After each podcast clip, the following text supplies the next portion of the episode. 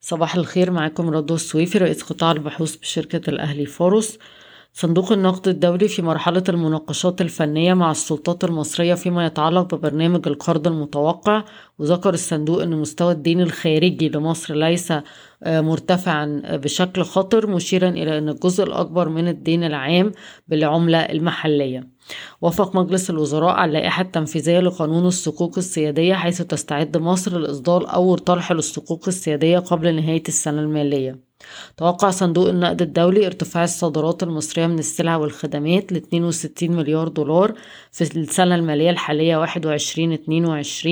مقارنة ب 45 مليار دولار في العام المالي السابق وإنها توصل 65 مليار دولار في العام المالي المقبل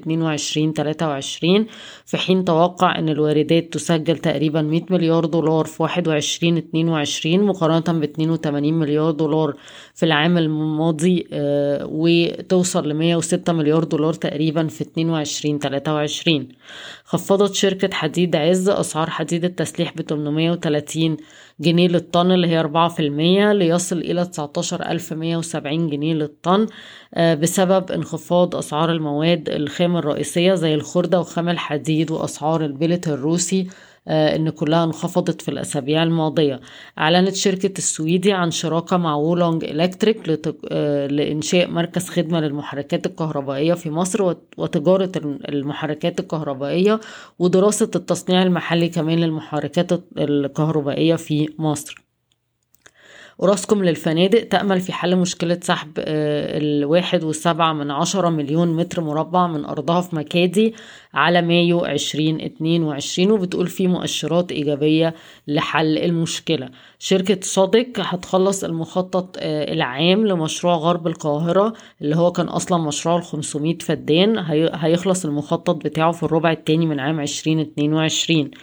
شركة إعمار وافق مجلس الإدارة على الاستراتيجية والميزانية للأعوام من 2022 ل 2026 وبينظر فيه بعض العروض للقروض المقدمة من البنوك المصرية. اسكندرية لتداول الحاويات وافقت على الميزانية للسنة المالية 22-23 اللي بتستهدف فيها أرباح واحد وستة من عشرة مليار جنيه وبتستهدف إيرادات اتنين وستة من عشرة مليار جنيه بزيادة عشرة في المية عن العام المالي السابق مدفوعة بالفيات لأن هي متوقعة أن عدد الحاويات ينخفض ل 773 ألف حاوية انخفاض 8%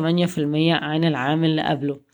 شركة هولدي فارما المستثمر الرئيسي في اسكندرية للأدوية والقاهرة للأدوية والعربية للأدوية هتستثمر واحد وأربعة من عشرة مليار جنيه مصري نفقات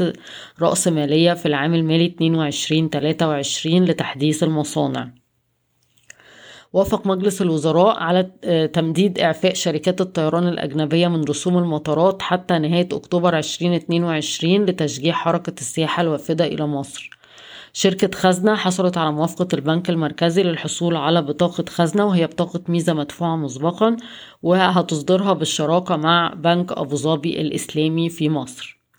عامر وبورتو هينهوا العلامة التجارية بورتو نظرا لتغيير اسم شركة بورتو إلى Arab Developers Holding والشمس وافقت على توزيع 15 قرش كوبون بعائد توزيع 2.3 من عشرة في المية. بشكركم ويوم سعيد.